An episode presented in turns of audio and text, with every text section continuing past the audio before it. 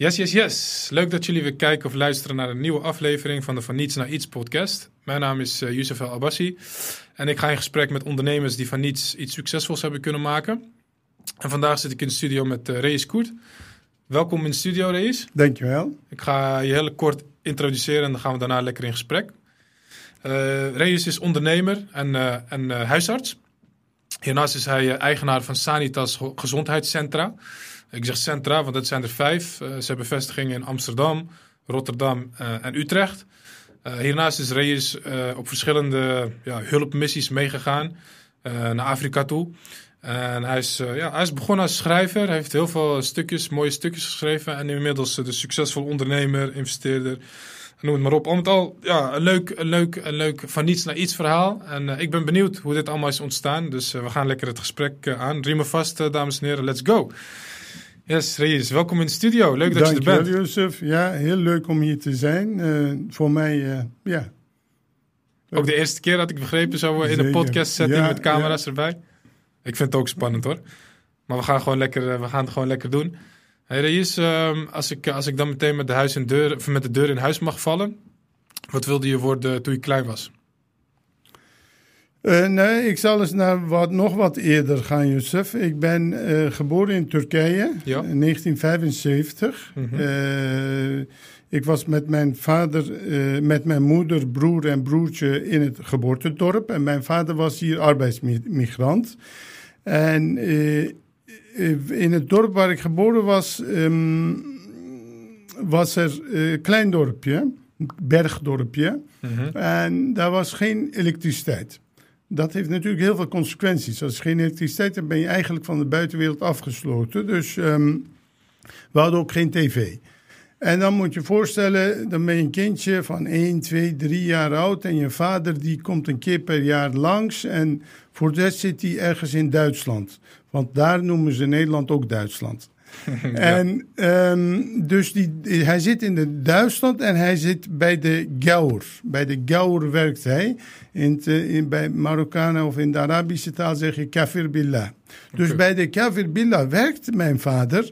Maar ik weet niet wat een kafir billah is. Want ja, en dan ga ik als kind fantaseren. Dan zeg ik, wat, hoe zou dat uitzien? Want ik heb geen tv, ik heb nog nooit een ongelovige gezien. Iedereen is heel gelovig. Ja. in mijn dorp. Zeker in dorpjes. Ja, zeker in dorpjes. Dus ik ging me fantaseren dat het monster, monsters waren. Dus het waren grote monsters waar mijn vader tussen werkte. En daar, uh, ja, dat was gewoon mijn kinderlijke fantasie.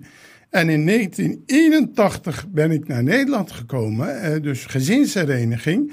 En uh, dus dan kom je met het vliegtuig, land je op Schiphol. Mijn oom heeft ons opgehaald, mijn vader was met ons meegekomen. En dan zie je alles, hè. En uh, ik kreeg marsreepjes van mijn oom. En ja, heel mijn fantasie, die smeltte gewoon met de marsreepjes weg natuurlijk. Het, was, uh, het waren gewoon normale mensen. Geen monsters. het waren geen monsters. En op een of andere manier had ik ook, je bent toch kind, die fantasieën die komen en gaan. Ik had ook helemaal geen moeite met het omslaan van die fantasie. Ja. Dus... En zo kwam ik dus in Nederland, 1981. En um, de jaren 80 waren de tijden van uh, dat er um, die, die, die economische groei was voorbij. Dus er kwam een economische crisis, mm -hmm. zo half jaren 80. Um, in, ik ben in Den Bosch opgegroeid. Den Bosch, in gewoon een arbeiderswijk met flatjes en dergelijke. En um, in die wijk, in die setting, op enig moment alle ouders die ik ken, dus al onze buren en, en, vrienden van mijn ouders, van mijn vader en dergelijke, iedereen was werkloos.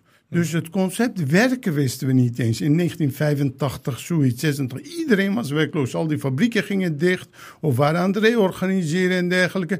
Dus in die setting ben ik dan uh, opgegroeid eigenlijk. Het hoogste doel wat toen haalbaar was, want de generatie, eh, generatie is groot woord, maar de kinderen die een paar jaar voor mij waren. Dus, dus ik ben in 87 heb ik de basisschool afgemaakt. Um, ik hou wel een monoloog, maar als je, je kunt interrupteren als je wil. Nee, uh, het is heel dus, interessant. Ga vooral door. Dus Ehm, een paar jaar voor mij, dus voor 87, laten we zeggen 84, 85, die kinderen die toen basisschool afmaakten, de Turks-Marokkaanse kinderen van die tijd, ze gingen, de jongens dan, gingen zonder uitzondering naar de LTS, dus de lagere technische school. Ja. Eh, en dus dat was de standaard in die tijd. En net voor mij, dus één jaar voor mij, zag je wel eens een kind die naar de HAVO ging. En zelfs één of twee kinderen die VWO deden. Dus toen die emancipatie van dus de LTS, HAVO, VWO, één of twee kinderen van de vele tientallen hadden een sprongetje eh, HAVO, eh, VWO gemaakt. Dat is een mooie ontwikkeling. Ehm, zeker. Maar je zit in die ambitiesfeer. Dus als kind van 12, mijn school, ik, ik was goed op school. Dus ik kon goed leren, mijn cijfers waren goed en dergelijke. En eh, dan krijg je zo'n adviesgesprek. En ik dacht, ja, ik kan goed leren. Dus eh, HAVO klinkt goed. Hoger Algemeen Voortgezet Onderwijs. HAVO is goed. Ja. Eh, best goed. Het is geen LTS. En... nou, en mijn vader was dat pertinent onmee oneens. En eh, hij, kan, hij kon niet goed Nederlands. Hij kan nog steeds niet goed Nederlands. Maar op het oudergesprek zei hij tegen de leraar: Mijn zoon gymnasium. Eh, dus eh, zo was mijn lot bezegeld. Ik ben naar het gymnasium gegaan. Wauw. Eh, dus ja, als ik terugkijk, ik weet niet of het advies van de leraar ook rechtstreeks VWO zou zijn of niet, of wat dan ook. Maar in ieder geval, eh, invloed van mijn vader heeft daar, is daar enorm geweest. Want zelf zat ik op het idee, ik ga HAVO doen. Ja. Dus in die di- eh, dingen ben ik opgegroeid. En ja, op, tijdens de middelbare school. Nee, ik had niet een duidelijk beeld van dit ga ik worden. Ik had allerlei dromen. Ik droom, ik droom nog steeds hoor. Dus, maar ik, ik droomde echt van. Ik dacht, ik ga bestuurder worden. Ik ga manager worden. Ik ga, weet ik veel. Van alles kwam langs. Eh, maar ja, niets bleef heel lang hangen. En. eh, daar, daar zie ik weer toch dat die invloed van mijn vader. Die zei: Jongen, het is goed dat je dokter wordt. En eh, ik zei: Ja, pa, dokter, ja, misschien, we zullen zien. Eh, maar zo, het is niet een oorspronkelijke wens die ik heb gehad om dokter te worden. Maar na eh, rond 4, 5 VWO vertrok mijn vader naar Turkije. En toen zag ik hem heel weinig. Hij kwam niet zo heel vaak langs. Maar ja, ik weet niet of ik het heb gedaan om hem te paaien of wat dan ook. Maar ik heb me ingeschreven op het gene- geneeskunde en heb geneeskunde gestudeerd en ben dokter geworden. En daar ben ik op zich wel blij mee. Wauw.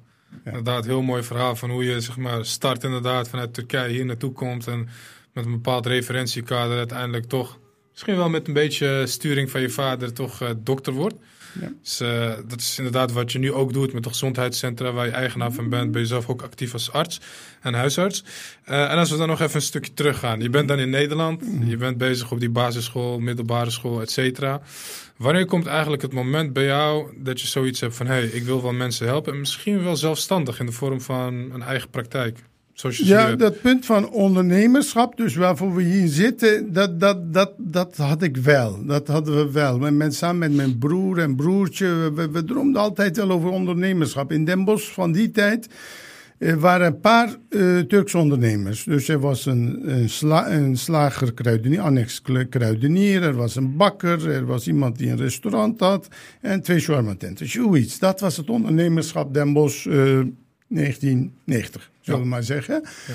En ja, wij droomden wel allerlei dingetjes. En uh, het is heel grappig. Wij hebben toen met mijn broer, volgens mij, toen wij 13, 14, 15 waren of zo, zeiden van ja, hier heb je geen uh, blikjes of, of, of uh, dingetjes uh, ayran. En die wordt nergens in Nederland ayran verkocht. Dat is Turkse yoghurt, toch? Turkse yoghurtdrankje. Ja. En als we dat nou eens produceren en dat nou verkopen. Maar ja, wij waren kinderen, dus dat, dat, dat, dat kon niet. Maar later is dat bijvoorbeeld geïntroduceerd en is een succesverhaal. Die mensen die dat doen, dat zijn grote ondernemingen. Dus, maar die, de, de dromen, dat, dat zat er vroeg in. En qua werk, ja, ik ben gewoon heel, heel standaard met werken begonnen. Dus eerst met een krantenwijk.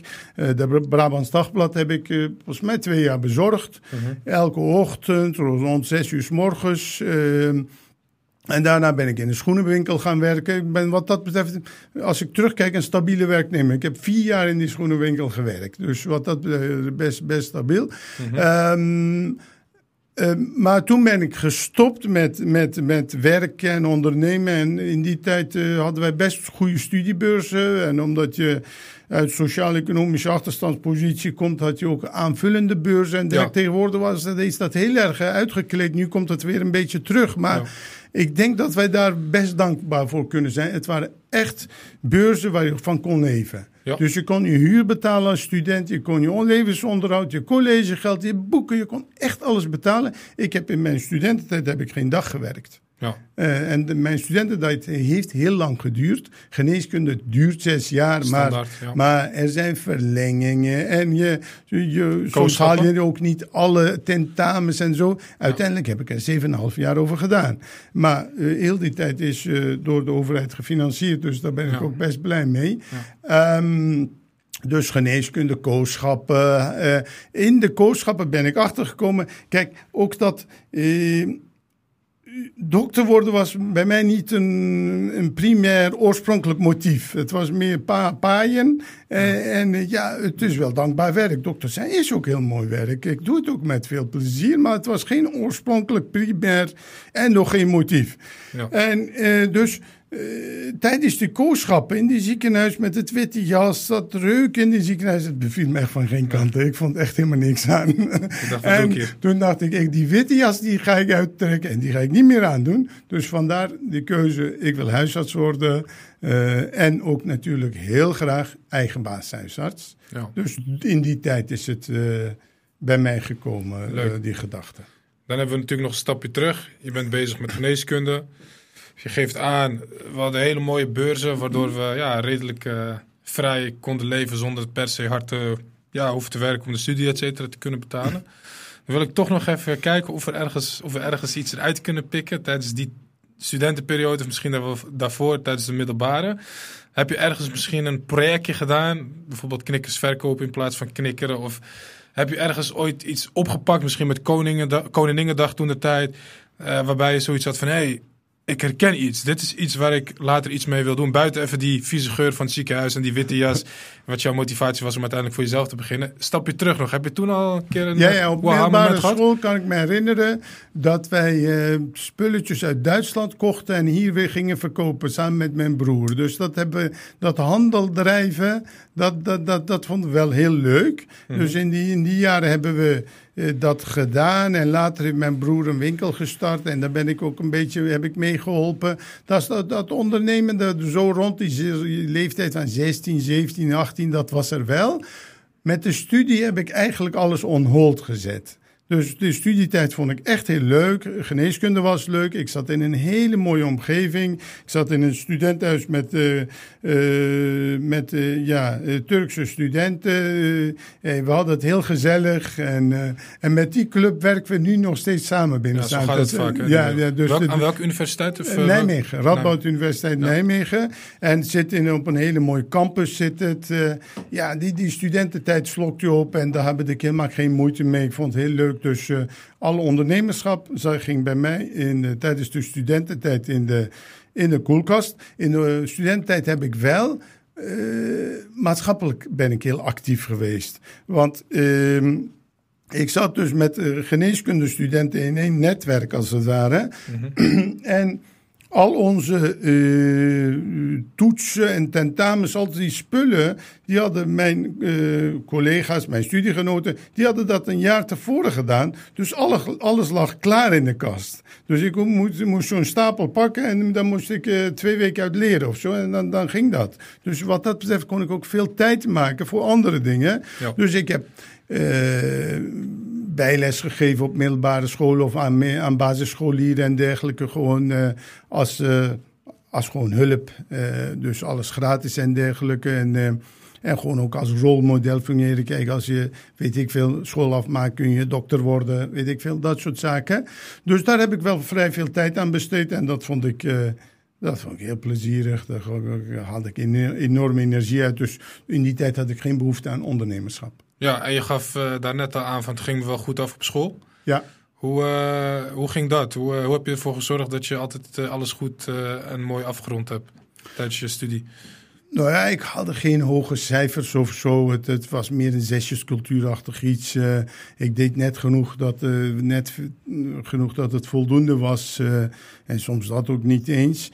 maar ik, ja, ik werkte stabiel, vrij stabiel. Ik ben, ik, ben, niet een heel bewegelijk iemand dat ik elke dag iets anders verzin. Ja. Ik werk mijn dagelijkse programma af. En kennelijk heb ik dat tijdens de middelbare school ook gewoon gedaan. Ik denk, ja uh, stabiele taken doen, dat is heel belangrijk. Dat zal later heel veel opleveren. Kijk, als je heel.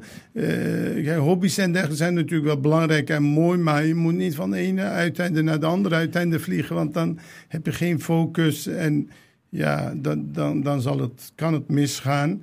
Uh, ik, die focus had ik wel, denk ik. Ja, dus je zegt, ik was niet afgeleid. Ja. Ik, uh, ik wist waar ik mee bezig was en daar ging ik voor. En daardoor lukt het me ook. Uh, op een gegeven moment ga je natuurlijk ja, door die studietijd heen. Uh, geneeskunde duurt lang, zes jaar. En dan komt daar waarschijnlijk vaak ook nog iets bij van kooschap, noem het maar op. Of de specialisatie die je wil doen. ja, op een gegeven moment ga je naar het einde van je, ja, van je opleiding toe. Wanneer kwam het moment, ja, je, je gaf al aan op het moment dat ik in de ziekenhuizen actief was, ja, merkte ik al van nou, dat is niks voor mij. Maar wanneer ben je daar concreet iets mee gaan doen? Wanneer ben je begonnen voor jezelf? Nou, ik ma dus toen maakte ik die keuze van uh, als uh, doktersberoep wil ik huisarts worden. Ja. En die huisarts moet in een eigen praktijk zijn. Dus dat, die, die doelstelling was voor mij direct al duidelijk. En hoe oud was je toen je dat uh, zeg maar, voor 26. Ja. 26. En uh, toen dat voor mij heel duidelijk was, dacht ik, nou, ik moet wel eerst iets werken. Want ik ging trouwen en ik ging een woning en dat soort dingen. Dus ik moest even, even werken, een beetje geld verdienen. Ja. Dus toen, toen ben ik als bedrijfsarts gaan werken. En uh, in, in, eerst in uh, Ede, Veenendaal, die, dat gebied en een beetje Arnhem. En na een jaar ben ik overgestapt naar een ander bedrijf in Apeldoorn, uh, Deventer. Dus dat heb ik gedaan. Op zich vond ik dat ook heel leuk werk, want ik had nog nooit in een fabriek gewerkt. Ik had nog nooit een fabriek van binnen gezien. Dus toen kon ik, eh, kwam ik in fabriek, omdat ik werknemers zag die zich ziek gemeld hadden of weet ik veel wat.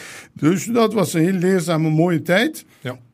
Uh, maar omdat ik mijn keuze al had gemaakt, ik wil huisarts worden. Dus na die anderhalf jaar had ik dus, ben ik aangenomen voor die huisartsopleiding. Heb ik uh, die opleiding ben ik in Nijmegen begonnen. Maar de arbeidsmarkt in Nijmegen is voor uh, hoger opgeleiden niet zo heel goed. Omdat er heel veel hoger opgeleiden zijn. Er is niet zo'n ruim arbeidsmarkt. Dus toen dacht ik van hier gaat het hem niet worden. Dus toen ben ik op de helft van de opleiding zijn we naar Den Haag verhuisd samen met mijn vrouw. En uh, ben ik mijn opleiding, heb ik dus de huisartsopleiding. Dus na de kooschap, die driejarige huisartsopleiding. Mhm. De helft, iets minder dan de helft, heb ik over laten stappen naar, Den, uh, naar Leiden. En ik ben in Den Haag gaan wonen. En dat was voor mij ook een hele nieuwe opening. Want ik kwam niet uit de Randstad. Ik kende die cultuur niet. Uh, ja, ja, er wordt wel uh, met weinig respect uh, grote stad en provincie gezegd. Of Amsterdam en provincie. Mhm. Maar hij ziet wel een kern van waarheid in. Ja, het is provinciaals waar we vandaan komen. Terwijl het hier in, in, in de Randstad veel levendiger is. Dat merkte ik in Leiden al direct. Ja. En ik dacht, ja, dit is de plek. Hier, hier gaan we het doen. Ja. En uh, zo uh, heb ik die huisartsopleiding afgemaakt. En toen... Wat, sorry dat ik je onderbreek hoor. Uh, Hoe lang duurt zo'n huisartsopleiding? Drie jaar. Oh ja, dus Drie jaar. Dus nog, één jaar en negen maanden was Nijmegen. En één jaar en drie maanden heb ik in Leiden gedaan. En aan het einde van die opleiding, mijn plan was duidelijk, dat had ik al uh, in Nijmegen bedacht. Van we gaan een gezondheidscentrum oprichten. En ook zo op die manier, hè, centra, niet centrum, maar centra. Wow. dat ondernemende kwam ineens op. Ja. En um, ja, toen moesten we kiezen Rotterdam, Den Haag, Rotterdam, Den Haag. Het werd Rotterdam. Ja. En toen ben ik verhuisd en verhuisd naar, uh, bij Rotterdam. En en uh, ons eerste centrum hebben we in 2008 in, op Rotterdam-Zuid in Charloes gestart. Uh, ja, je bent jong dokter. Dus uh, kijk, het dokterschap heeft natuurlijk geen veel zekerheden. Van alles, alles mislukt. Ja, kun je altijd nog doorgaan met je patiëntenzorg ergens voor iemand werken. Gaat nog steeds goed. Ja. Maar in Nederland heeft iedereen zekerheid. Dus uh, niemand hoeft ergens voor te vrezen. maar dokterschap is net iets luxer, zullen we maar zeggen. Ja. Um, toen hebben we bedacht van we gaan een locatie huren. En ja, uh, Rotterdam-Zuid had toen uh, een, een, een pot met subsidie voor ondernemerschap. En de gemeentelijke investeringssubsidie, 100.000 euro. Uh Ingeschreven, gekregen. 100.000 euro van de gemeente gekregen. Uh 100.000 euro van de bank geleend. En zelf iets van 60, 70.000 euro met een paar collega's samen bij elkaar gesprokkeld. En zo zijn we begonnen op uh, ergens in begin februari 2008. Ja, waar ik nog wel even benieuwd naar ben, want je, je maakt op een gegeven moment een transitie van uh, huisarts ja. naar een volledig gezond, een gezondheidscentrum, een ja. echt centra. Ja. Waar natuurlijk meer gebeurt dan alleen, waar natuurlijk meer gehuisvest is dan alleen de huisartspost. Ja, ja. Ik wil nog even weten, misschien ook wel leuk voor de luisteraars, hoe hm. kwam die transitie van huisarts worden naar gezondheidscentra opzetten? Waar, ja, eigenlijk die, die ondernemerschap van de middelbare school, die kwam gewoon weer opzetten. En, en ook die, ja, ik heb toch gezegd van ik had niet een oorspronkelijke ambitie om dokter te worden, maar wel besturen, manager, politicus, weet ik veel, alle vage dingetjes. En die kwamen denk ik ook wel op. En uh, ja, dan kijk je vanuit een bestuurdersperspectief naar de zorg. En dan zeg je van, wil je goede zorg bieden, dan moet je volledige zorg bieden. En daar hoort binnen een eerste lijn zorg, hoort, eh, ja, zoals we dat nu hebben, huisartsenzorg, tandartsenzorg, apotheek, psychiatrie, eh, fysiotherapie, logopedie. Eh, uh, dus al die zorg bieden wij nu binnen onze eigen uh, instellingen. Maar die visie had ik toen ook al. Uh, en, maar ja, je begint met nul, je begint met klein. stap voor stap hebben we het opgebouwd. We hebben, zijn vanaf dag één met huisartsenzorg, geboortezorg en volgens mij psychiatrie gestart. Kijk, dus, dus dat was eigenlijk het ja, het start-up moment. Je begint met het gezondheidscentrumpje. Hmm. En dan begin je inderdaad echt met die groep uh, geboortezorg. Welke twee noemde je nog meer? Dus uh, psychiatrie, geboortezorg, huisartszorg zijn we volgens ja. mij direct begonnen. In Daar. Is, het is al zo lang geleden. Ja, je hebt het stukje subsidie. Hebt het stukje geld wat je bij elkaar gesprokkeld hebt met andere collega's. En extra geld. Op een gegeven moment start je. Maar hoe zoek je de beste locatie? Hoe vind je de eerste klanten? Neem ons mee. Nou de eerste locatie, wij hadden eigenlijk een betere locatie dan waar, waar wij gestart zijn gevonden. Maar de huur daarvan vonden we te duur. Dus die had volgens mij iets van 5000. Was het ook in uh, Rotterdam-Zuid? Ook Rotterdam-Zuid. Mooie plek. Uh, op het Zuidplein. Mhm. En dan, uh, die, dat kostte 5000 euro. Maar ja, dat vonden we te duur. En die, die de locatie dat we gingen huren was iets tegen de 3000 euro aan. Dachten we, dit kunnen we wel aan. Want ja, je hebt nog nul patiënten. Ook al heb je 100 patiënten. Ook al heb je 1000 patiënten. Daarmee red je het niet. Dus wij gingen voor de kost gingen wij, nachtdiensten doen op huisartsenposten. Dus we zijn met drie collega's begonnen. Dus ik ben niet enig eigenaar. Wij zijn een paar eigenaren. Ik ben een beetje de, de voortrekker als het ware. Ik ben de voorzitter van het clubje. En, uh, maar uh, dus dachten we, dit redden we dan wel. Uh, en we beginnen ook direct met medewerkers erbij en dergelijke. Die moet je ook vanaf dag één betalen. En uh, dus uh, op die manier, we hebben uh, gekeken naar wat is te financieren, wat, wat, wat redden we. en ja, mijn collega's zijn ook allemaal hele verstandige mensen, die, die brengen verstandige input in. Dus op die manier hebben we die locatie ge, gestart. En ja, toen begon, ja, no, nog iets. Voordat we starten, ben, heb ik in 2007 heb ik een reis naar Turkije gedaan. Um, kijk, het concept van wat, wat we gingen gaan doen in die tijd, gingen heel veel Turken, eh, Turken in Nederland, Nederlandse Turken, die gingen uh, voor zorg gingen ze naar Turkije. Mhm. In die tijd was er ook verzekerde zorg in Turkije. Dus het Zilveren Kruis die kocht zorg in Turkije. Die dachten van dit gaat uh, besparing opleveren. Heeft helemaal geen besparing opgeleverd. Maar uh, dat, dachten ze, ja. dat dachten ze. Maar heel veel Turken maakten daar gebruik van. Van in Turkije is goede zorg en dergelijke. Maar ik heb toen een reis gedaan waarbij ik in verschillende steden ben geweest. Waar ik ben verschillende ziekenhuizen heb gesproken. Waarbij we zeiden van we zullen misschien medische toerisme ook gaan doen erbij. Dat, dat, dat hebben we nooit kunnen doen. Dat is niet eh, van de grond gekomen. Dat is op ander ondernemerschap. Maar in ieder geval, zo heb ik ook al die uh, zorginstellingen, ziekenhuizen en dergelijke bezocht. En ook dat ja, een beetje service-minded zorg verlenen. Dat, dat heb ik daar ook gezien. En daar hebben we wel heel veel aandacht besteed bij het oprichten van onze eerste locatie en ook daarna.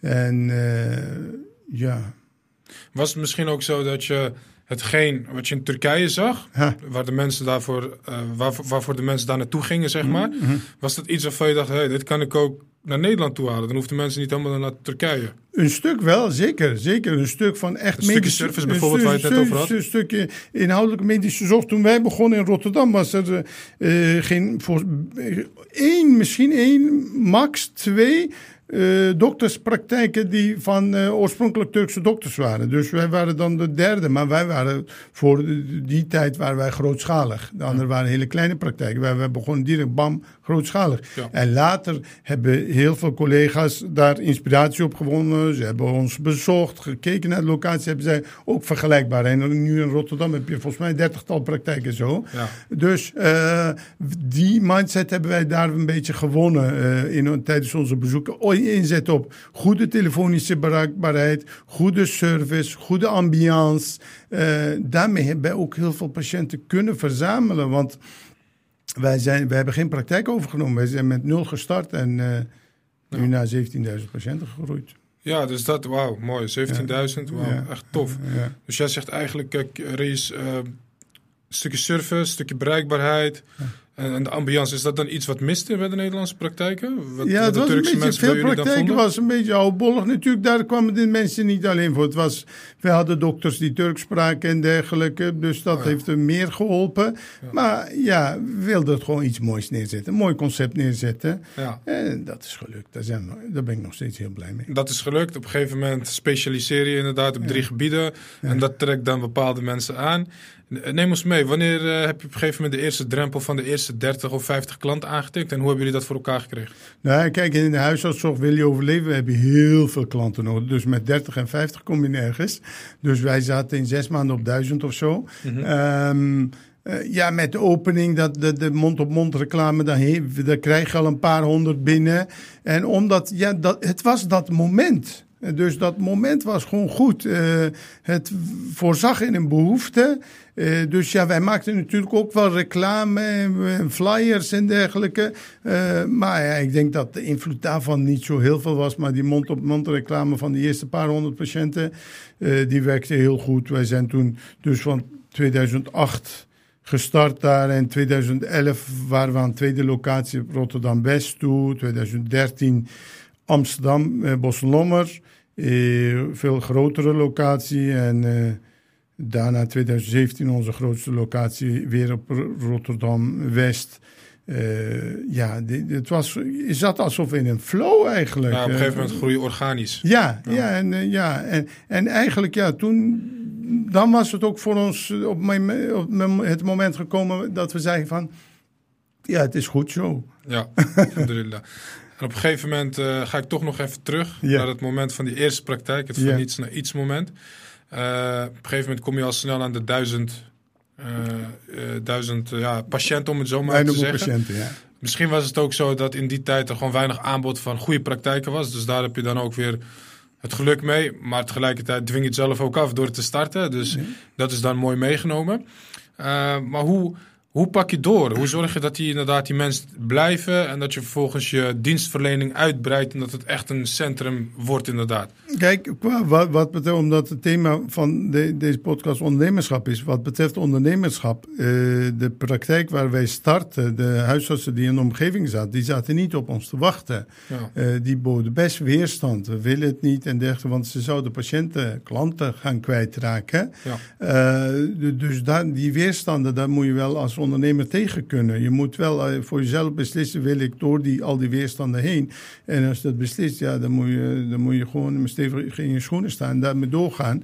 Eh, maar die signalen kreeg je ook van die regio-organisatie, directeur, de latere directeur zei gewoon begin maar, begin maar. Dat, eh, er is een behoefte, luister niet naar je collega's. Die, Ja. Dus, en ja, omdat je in, dit, in dat veld werkt. Kijk, wij huisartsen zien patiënten en dan of we, we stellen gerust, of we gaan bloed prikken, of we sturen naar de fysio, of we verwijzen door naar het ziekenhuis. Dus heel dat plannetje van wat we allemaal doen en waar we naartoe sturen, dat weten we natuurlijk. En binnen die dingetjes. Eh, gingen we geleidelijk kijken welke dingetjes kunnen wij binnenhalen. Dus dat bloedprik hebben we naar binnen gehaald, dat die psychiatrie hebben we naar binnen gehaald, de fysio hebben we naar binnen gehaald, de apotheek hebben we naar binnen gehaald. En zo hebben we eh, die organisatie, onze eigen organisatie, proberen te versterken. Ja, ja maar ja, het is ja, zeker beginjaren zijn best lastig, omdat het, ja, je hebt die groeiambitie, je bent jong, je hebt die groeiambitie en er zit altijd een financiële spanning op. Ja, uh, ja dat geduld en die doorzetting heb je wel nodig, wil je op lange termijn overleven. Dus op een gegeven moment ben je de aanbieder van een totaaloplossing. Dat, die, dat die mensen, die patiënten dus niet alleen doorverwezen worden, maar in-house eigenlijk terecht kunnen voor alle, voor alle uh, oplossingen en behandelingen. Ja. Tegelijkertijd zeg je ook van we hebben ook veel weer, te maken gehad met veel weerstand. Van mensen die denken dat de taart niet groot genoeg is. Hoe zijn jullie omgegaan met die tegenslagen, weerstand? Hoe hebben jullie, hoe hebben jullie dat uh, aangepakt? Nou ja, kijk, we hebben de buurpraktijk ook wel uitgenodigd en zo. Maar ja, volgens mij kwam één langs, de rest kwam niet langs. Uh, uh, maar ja, het is begrijpelijk. In, in het ondernemingsveld is er concurrentie. En ja, daar, als iemand succes heeft, dan zal het vast bij iemand anders iets minder gaan. Uh, ja, het is.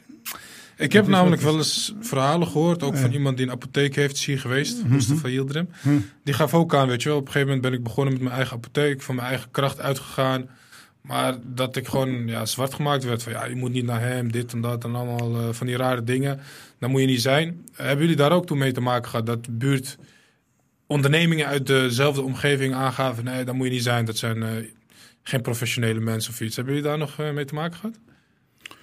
Nee, zo, zo, zo erg is het nooit, nooit bij ons geworden. Mensen hadden wel een beetje moeite mee, maar niet dat wij zoveel moeite, zoveel problemen ervaarden. Ja, uh, in de apothekerswereld is die concurrentie heel hard. Hè? In ja. de dokterswereld is dat niet zo hard. Dokters zijn toch wat meer... Uh, wat ja, zachter. Wat zachter, ja. ja. Die, die, die, die, die, die gaan daar veel, soepeler mee om. Um, we, er is wel een heel uh, grappige anekdote. Wij hebben flyers toen uitgedeeld. In die tijd deden wij ook besnijders. We hebben lange tijd ook besnijders gedaan. Maar daar zijn we een aantal jaren geleden mee gestopt. Mm -hmm. En dus op die flyer staat, uh, stond er van uh, we doen huisartsenzorg, dit en dat. En ook besnijders. En die, die flyers gaan huis aan huis. Dus internet was nog niet zo bekend. Je kon de doelgroep ook niet selecteren. ja, en toen kwam er een oudere Nederlandse Hollandse meneer. En die kwam heel boos binnen. Jullie doen aan meisjesbesnijders. oh nee, nee, die kwam niet boos binnen. Die stuurde een boze mail boze mail en ik ben helemaal woest. En ik, ik, dit kan toch niet dat jullie in onze wijk aan meisjesbesnijders gaan doen. En de, hebben net een mail teruggestuurd. Meneer, excuses, maar volgens mij heeft u het niet goed begrepen. We doen alleen aan jongensbesnijders. En, ja. en uh, later is die man uh, bij de balie langsgekomen. Had hij koek, koekjes voor ons gekocht en excuses aangeboden. Dus uh, dat is als een hele leuke anekdote bijgebleven. Leuk, leuk, ja. ja. Ja, je kan, ja, je kan tegenwoordig kun je heel goed filteren op doelgroep. En als je wat verder bent met het bedrijf, kun je natuurlijk ook ga, krijg je heel veel, heb je te maken met veel organische groei en mensen die het doorvertellen. Ja. Uh, waar ik nog wel even benieuwd naar ben, voordat we doorgaan op uh, het omslagpunt. Hè, want op een gegeven moment komt tweede, derde, vierde, vijfde vestiging. Op een gegeven moment heb je een concept en het werkt gewoon goed. Voordat we daar naartoe gaan, uh, neem ons mee. Um, ben je ook ergens tegenaan gelopen? Heb je tegenslagen meegemaakt? Want heel veel mensen zien tegenwoordig mooie bedrijven en het succes, maar mhm. wij zijn ook benieuwd uh, van oké, waar ben je tegenaan gelopen en hoe heb je dat opgelost? Of was alles bij jou roze geur en maneschijn? Nee, roze geur en maneschijn, uh, dat uh, zouden we wel willen, maar dat is natuurlijk niet zo gegaan. we hebben in 2017 volgens mij hele forse tegenslagen gehad. maar ja, financiële tegenslagen gehad. Uh, door te investeren in verkeer, op een verkeerd moment. Um, ja, dat was een moment waarbij we bijna failliet gingen. Dus uh, dat was heel spannend. En uh, ja, niemand zag het zitten. Dus uh, kijk, niemand zag het zitten is een groot woord. We hebben bijvoorbeeld iets van 100 man personeel op dat moment dan. Uh, ja, voor hem was het altijd roze, roze geur en maneschijn. We hebben altijd salarissen doorbetaald. Ja. Maar ja, zelf zaten wij te kijken, wat gaan we nu doen in hemelsnaam? Uh, maar we zaten volgens mij met vier of vijf personen, dus het bestuur of zo. En mijn vrouwelijke collega, dokter Kampelot, die, zei, we gaan dit toch niet failliet laten gaan. Dit is ons levenswerk. En zo is iedereen weer gemotiveerd geraakt. En uh, hebben wij gewoon allerlei oplossingen gezocht. En uh, geleidelijk uh, ebde dat allemaal weg. Dus op de crisismomenten dat je stevig in je schoenen staat, dat je door kunt zetten. en eigenlijk, ja, wil je een echte organisatie runnen, alleen kun je dat niet. Je hebt een echt een, tenminste voor mij in ieder geval. er zijn natuurlijk heel veel organisaties door één persoon aan de top gerund worden. Maar ja, in mijn setting, uh, ja, ik heb mijn directe collega's, mijn directe maten, zullen we maar zeggen, nodig. Uh, willen we stabiel blijven doorgaan, want die crisismomenten hebben we zelf gezamenlijk uh, doorlopen. Um, ja, bij ondernemerschap hoort, horen moeilijke tijden bij. Dat zijn ook leer, leermomenten. ook de, de, je leert voorzichtiger te worden. want als je groot bent, kun je niet meer permitteren om roekeloos te zijn. En als je heel klein bent, dan ja, een fout kan kleine consequenties hebben, maar als je groot bent, kan een fout hele grote consequenties hebben. Dus eh, dat, dat leer je dan ook. Dat zal wel, ook wel bij het proces horen, denk ik. Ja, heel goed. Daar heb je natuurlijk ook nog te maken met een bepaalde regeldruk, maar ook gewoon dat er mhm. veel verandert in de, in, mhm. de wereld van de zorg. Mhm. Zijn er wel eens uh, veranderingen doorgevoerd vanuit de overheid, uh, waar je als zorgondernemer mee te maken hebt gehad? Waarbij je zoiets had van. Dit kan wel eens uh, fataal zijn. En hoe ben je daarmee omgegaan? Nee, fataal niet. Maar ik vind dat de overheid is heel erg versnipperd georganiseerd. En dan komen er zoveel regels op je af. Uh, ja, je moet wel aan alle voldoen. Maar als je als heel, hoe heet het, heel zakelijk, heel, heel rationeel naar die regels kijkt, die regels kloppen niet die zijn niet goed voor, voor de praktijken, die zijn niet goed voor de patiënten, die zijn voor niemand goed. Maar iedereen probeert de eigen dingetje af te dekken.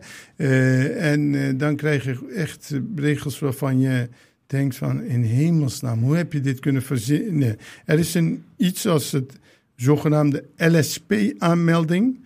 Dit betekent dat um, in veel landen is de ICT van de zorg is veel beter georganiseerd dan in Nederland. Mhm.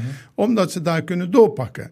Maar hier vinden wij privacy zo belangrijk dat, uh, dat, uh, dat je die ICT niet adequaat kunt organiseren. Dat iemand in een, overdag in een dokterspraktijk iets heeft. Dat als hij s'avonds heel ziek wordt, iets acuuts heeft. Dat die dokter in het ziekenhuis niet kan zien welke medicijn die patiënt gebruikt. Dat welke belangrijke dingen er met, met die persoon. Daar moet een uh, LSP-aanmelding zijn. En die LSP-aanmelding mag je doen uh, als je van elke patiënt toestemming hebt gevraagd.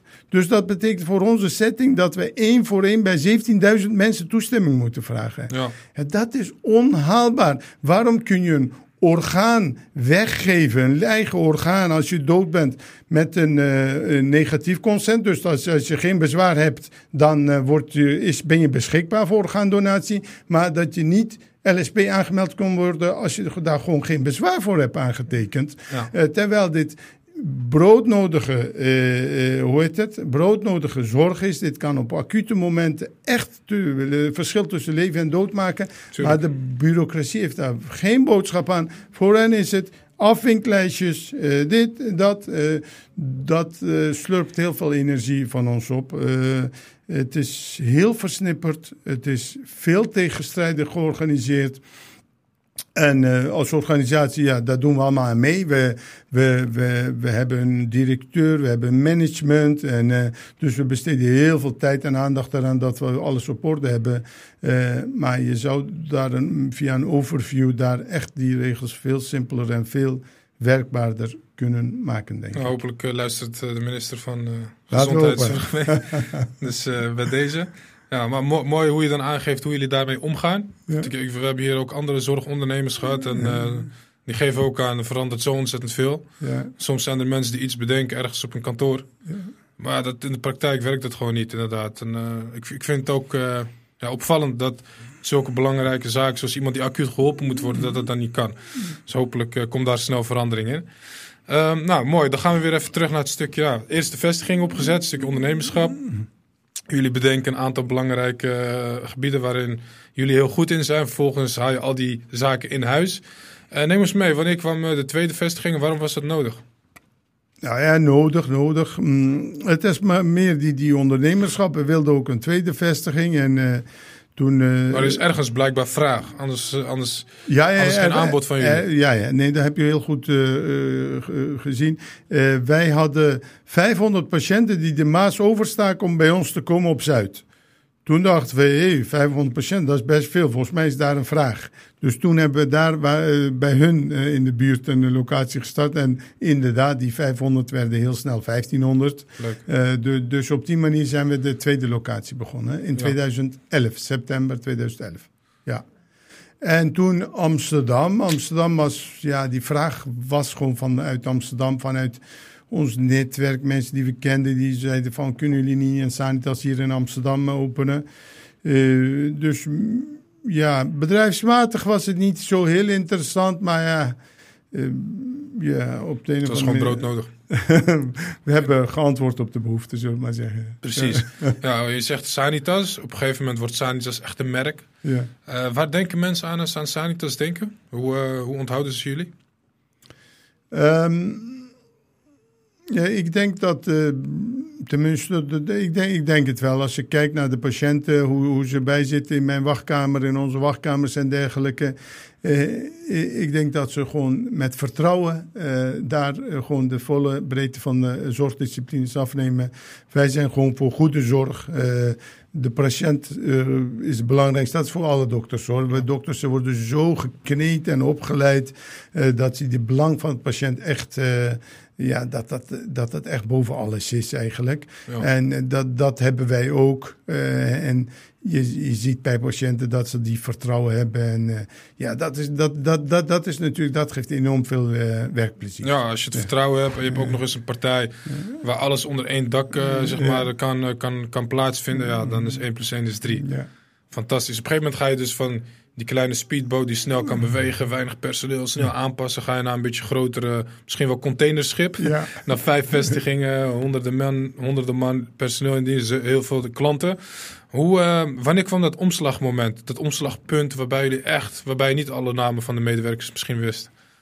Mm, ja, dat, dat kwam ik denk rond 2017, denk ik. Rond 2017, denk ik, uh, wist ik niet meer wie er allemaal bij ons werkt. Hè? Ja. En nu ken ik, denk ik, niet eens een vierde van de mensen. Misschien nog minder. Uh, dus ja, uh, ja, dat is ook een fase waar je doorheen moet. Want in, in het begin ben je een soort familie. Ja. Iedereen kent elkaar. Je gaat zelfs bij elkaar thuis uh, thee drinken en dergelijke. Maar ja, op een gegeven moment ken je de namen niet eens. dus dat, dat, is een hele andere fase. En dan is het zaak dat je dat, dat accepteert.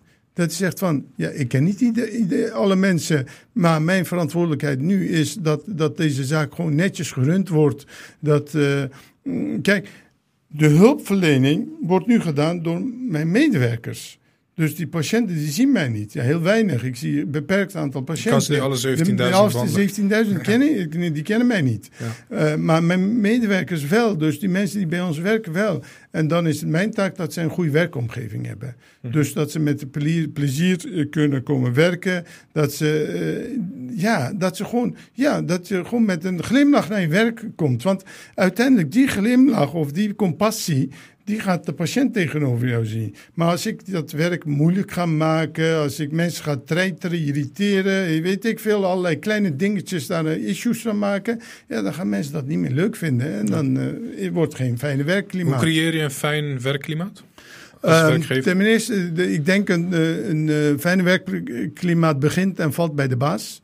De baas moet een, een, een baas zijn. Dus je moet, uh, je moet een voorbeeldfiguur zijn. Uh, je moet van mensen houden.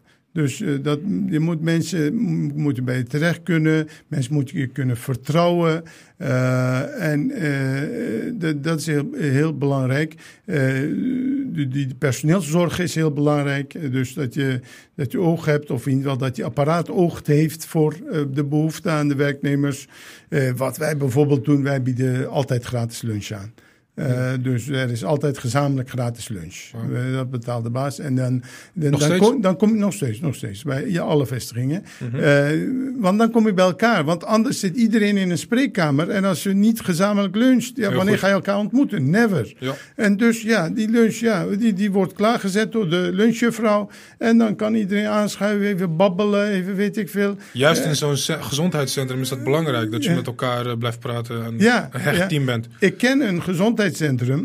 Hele mooie locatie. Echt top locatie. Denk, wauw, echt prachtig pand. Maar omdat ze niet met elkaar communiceerden, is alles uit elkaar gevallen. Ja. Dokters zijn Allemaal eilanden. Allemaal eilanden. En dan gaan ze boos op elkaar worden. En dan gaan ze vertrekken en dergelijke. Die chemie is weg. Ja. En ja, de taak van een baas is de chemie van die organisatie bewaken. Een, een, een, een werkgever, een baas kan niet zeggen van dit en dit. Als er conflicten zijn, en conflicten zijn er. Eh, het zijn mensen die gaan met elkaar conflicten eh, aan. Dan is het zaak dat in, in goede orde op te lossen en dergelijke. Eh, en je rol pakken. Als je de rol niet neemt, dan zeg je van ja, ik heb het ooit opgericht, maar laat maar. Ja, dan Ja. zal het ooit, ooit op een gegeven moment ophouden. Ja, dan gaat het snel bergafwaarts. Ja. Ja. we waren gebleven bij, op een gegeven moment word je inderdaad die grote, misschien wel containerschip. Hmm. Ehm, en hoe je daarmee omgaat. Ja, op een gegeven moment heb je best wel groot bereik en een groot netwerk. Wa- wanneer denk je van nou, het is nu wel genoeg of misschien wel niet? Nou, dat heb ik al een tijdje. Dus eh, het eh, ondernemerschap, dat ik dus in, mijn, eh, in de, tijdens de universiteit in de koelkast heb gezet, die is ook weer een beetje richting de koelkast. Het is niet helemaal, maar, maar ik heb niet die ambitie van tien jaar geleden. Dat heeft niet. Mijn collega's zijn al heel conservatief. Mijn directe collega's waar we het mee besturen, die, die zijn nooit ondernemer geweest. Ze zijn Ja. vooral voorzichtig, voorzichtig, laten we geen fouten maken. Maar, dus, eh, maar mijn ondernemerschap is ook een stuk afgenomen. Eh, behoud van een goede organisatie is eh, primair. Natuurlijk kunnen nog allerlei dingetjes ondernomen worden en kunnen nog even dingen gedaan worden. Maar dat is niet meer primair. Ja. Als dat ook gedaan wordt, is dat een bijzaak, is dat gewoon een klein dingetje. eh, maar niet dat we de eh, organisatie in spanning brengen. Ja, en je krijgt een soort van rustig gevoel, waardoor je kan focussen op wat je hebt en wellicht kan verbeteren. Ja, Klopt ja, dat? ja, ja, ja, ja. Dus, eh, want die organisatie heeft continu aandacht nodig. Dus eh, ja, je, je- het, er is een, krapte op personeelgebied. Dus Ja. die personeel, hoe je dat aantrekt, hoe je dat aan je bindt, eh, hoe je die opleidt en dergelijke. Dat, dat, dat vraagt voor continu aandacht en dergelijke. En die overview over de organisatie, dat, dat, dat, is, dat is ook heel belangrijk. En dat je daarmee bezig bent, ja, Mooi. dat is voldoende. Ja, ik gaf in de intro aan, eh, je bent ook op verschillende missies meegegaan, hulpmissies naar eh, Afrika. Je bent, je bent arts, huisarts. Eh, wat, kun je, wat kun je daarover vertellen? Wat heb je bijgedragen tijdens die hulpmissies? Nou ja, ik, ik heb, mijn, mijn rol was heel klein. Ik ben meegegaan met, met een hulporganisatie een paar keer. Eén keer was het een echte hulp, me- medische missie. Daar hebben kindjes en mensen nagekeken. Maar ja, eh, ja, het is... Ik ben geen chirurg, dus ik kan niet opereren. Dus echt eh, heel tastbaar van, ik heb die patiënt op die manier geholpen. Dat kun je als een, eh, als een gewone huisarts niet zeggen. In ieder geval ik niet. Wat ik heb gedaan, vind ik niet. Ehm, ehm, maar, maar het was een mooie ervaring, laten we zeggen. Dat, dat, dat het gewoon als een mooie ervaring beleefd. En wij hadden een afspraak met een ziekenhuis in Nigeria bij, bij, eh, bij eh, Abuja. Eh, bij een, dorp, in een dorpje bij Abuja was dat, hoofdstad Abuja, een dorpje daarbij. En daar was een kindje bijvoorbeeld, die was, die was bloed aan het plassen. Eh, dat was best erg. En toen heb ik bijvoorbeeld met de uroloog van het ziekenhuis gebeld. Kijk eens naar het kindje gratis. Het is een arm kindje, die kan niks betalen. Die hebben toen dat kindje nagekeken en dergelijke. Dus dat, dan ben je daar een beetje blij mee om. Missies naar Afrika vind ik wel belangrijk. Ik ben ook met een andere missies naar Afrika geweest. Ik ben in Kenia, Nigeria, Mali eh, geweest. Eh, ik ken een vrouw. eh, zij is volgens mij nu 74. Zij gaat drie keer, vijf keer, zes keer per jaar naar Afrika. Ja. En dan gaan ze weeshuizen opknappen of weet ik veel, dit doen, dat doen. Die energie die ik bij die vrouw ja, die energie heb ik niet. Eh, ik ben veel jonger, maar ja, zo levendig is ze. Eh, ik vind dat hele waardevolle missies. Ik heb daar misschien met een heel klein beetje aangeraakt. eh, eh, ik ondersteun het. Oh, ja. Mooi werk. Ja. Ben je van plan om dat in de toekomst misschien wat meer te doen? Hoe, eh, hoe zie jij dat? Ehm, eh, ja, kijk, ik ben meer manager dan dokter wat dat betreft. Eh, eh, in Afrika moet er heel veel meer dan, eh, dan alleen basisgezondheidszorg. Eh, maar ik vind ook dat er heel veel goed gaat in Afrika. Eh, dus, maar ja, ik heb niet eh, direct een persoonlijke. eh, ik heb wel allerlei gedachten, maar niet Ja. een direct persoonlijke ambitie om iets in Afrika te doen. Oké, nou, heel goed in ieder geval dat je mee bent gegaan met de missies en zo, dat zo nu en dan doet. Ja. Maar ik snap ook wel wat je zegt. Als je met die management view hebt, dan kun je daar ook minder concreets doen. Ja, Dus wellicht misschien ooit daar een keer een systeempje opbouwen. Dat zoiets of zo. Ja, we gaan zien wat de toekomst brengt. Ehm, we gaan zo richting het einde van de podcast. En dan eh, probeer ik altijd aan de gast te vragen eh, om advies uit te brengen voor de mensen die luisteren of kijken. Eh, je hebt natuurlijk een hoop meegemaakt als ondernemer. Je loopt een tijd mee. Je hebt een mooie organisatie opgebouwd. Eh, met veel, je werkt met veel mensen samen. En als je al die ervaringen meeneemt, je hele leven, dus niet alleen tijdens het ondernemerschap, maar ook de weg er naartoe. Als je al die ervaringen bij elkaar optelt en daar onderaan de streep een conclusie uit zou trekken. Wat zou je mee willen geven aan jonge mensen, mensen die aan het werk zijn en willen gaan ondernemen, of jonge mensen die graag willen gaan ondernemen? Welk concreet advies geef je hun mee, zodat ze daarmee aan de slag kunnen? Ja, ehm, als ik naar mijn eigen leven kijk, denk ik dat het goed is dat je niet te vroeg gaat ondernemen. Tenzij je echt, echt heel iets baanbrekends verzint, dat eh, die drop-outs, die wonderkindjes Ja. en dergelijke, dat is wat anders. Dus als je een wonderkindje bent, dan moet je, weet ik veel, op je de twaalfde gaan ondernemen. Dat, dat is wat anders. Maar gewoon de gemiddeld persoon, en zo zie ik me ook wel- me- mezelf wel, dat je eh, pas gaat ondernemen dat je een vak hebt geleerd dat je, eh, dat je wat werkervaring hebt. eh, dus dat je de werkroutine. Als je gaat ondernemen terwijl je nooit voor een baas hebt gewerkt. Ja, dat is, dat is best riskant, want je kent die discipline van werken in een organisatie niet. Dus dat je die discipline eh, hebt geleerd en een vak. En dan zijn je kansen echt heel groot. Want dan kun je vanuit een veel hogere positie gaan ondernemen. Dan dat je veel te snel, veel te vroeg, veel te krakkemikkig gaat ondernemen. Want ja, uiteindelijk zijn er onder, eh, teleurstellingen. En eh, dan, dan kan het heel fout gaan. Dus ik zou zeggen, eerst een vak leren. Dan voor een baas werken en dan ondernemen. Dus eigenlijk zeg je, zorg dat die rugtas een beetje vol zit. Ja, Zorg dat je alles opzuigt met die spons. En zodra je veel water hebt opgenomen, laat het maar los in je eigen bedrijf. Dan begin je op veel hoger niveau zeker. met ondernemen. Zeker. Ja, mooi advies, dank je wel daarvoor. Voor de mensen die, ehm, die graag bij jullie willen werken of die jullie graag eh, willen volgen. Sanitas Gezondheidscentra, waar kunnen ze jullie vinden? Sanitas.nl is onze website. Eh, wij hebben ook wel vacatures, dus daar kan eh, ook eh, op gereflecteerd worden. Leuk. Eh, ja, dat is. En voor de mensen die jou willen volgen, zit je nog op LinkedIn of social media? Ik heb geen LinkedIn, eh, Mhm. ik heb eh, wel Twitter. Op, ik zit op Twitter. Reis Koer- Koert, Ja. met een T, ja? Daar Ja. kunnen ze jou vinden. Ja, Reis, ik wil je hartelijk bedanken voor eh, dit mooie interview. Voor het toelichten van je, van je verhaal. Ik ben onder de indruk. Ik, eh, ja, alle doelen die je nog hebt voor in de toekomst, ik weet zeker dat je ze gaat behalen met deze mindset. Dus eh, voor nu even het ondernemerschap in de koelkast. Maar wie weet eh, over een paar jaar weer eruit. En het aantal vestigingen verdubbelen.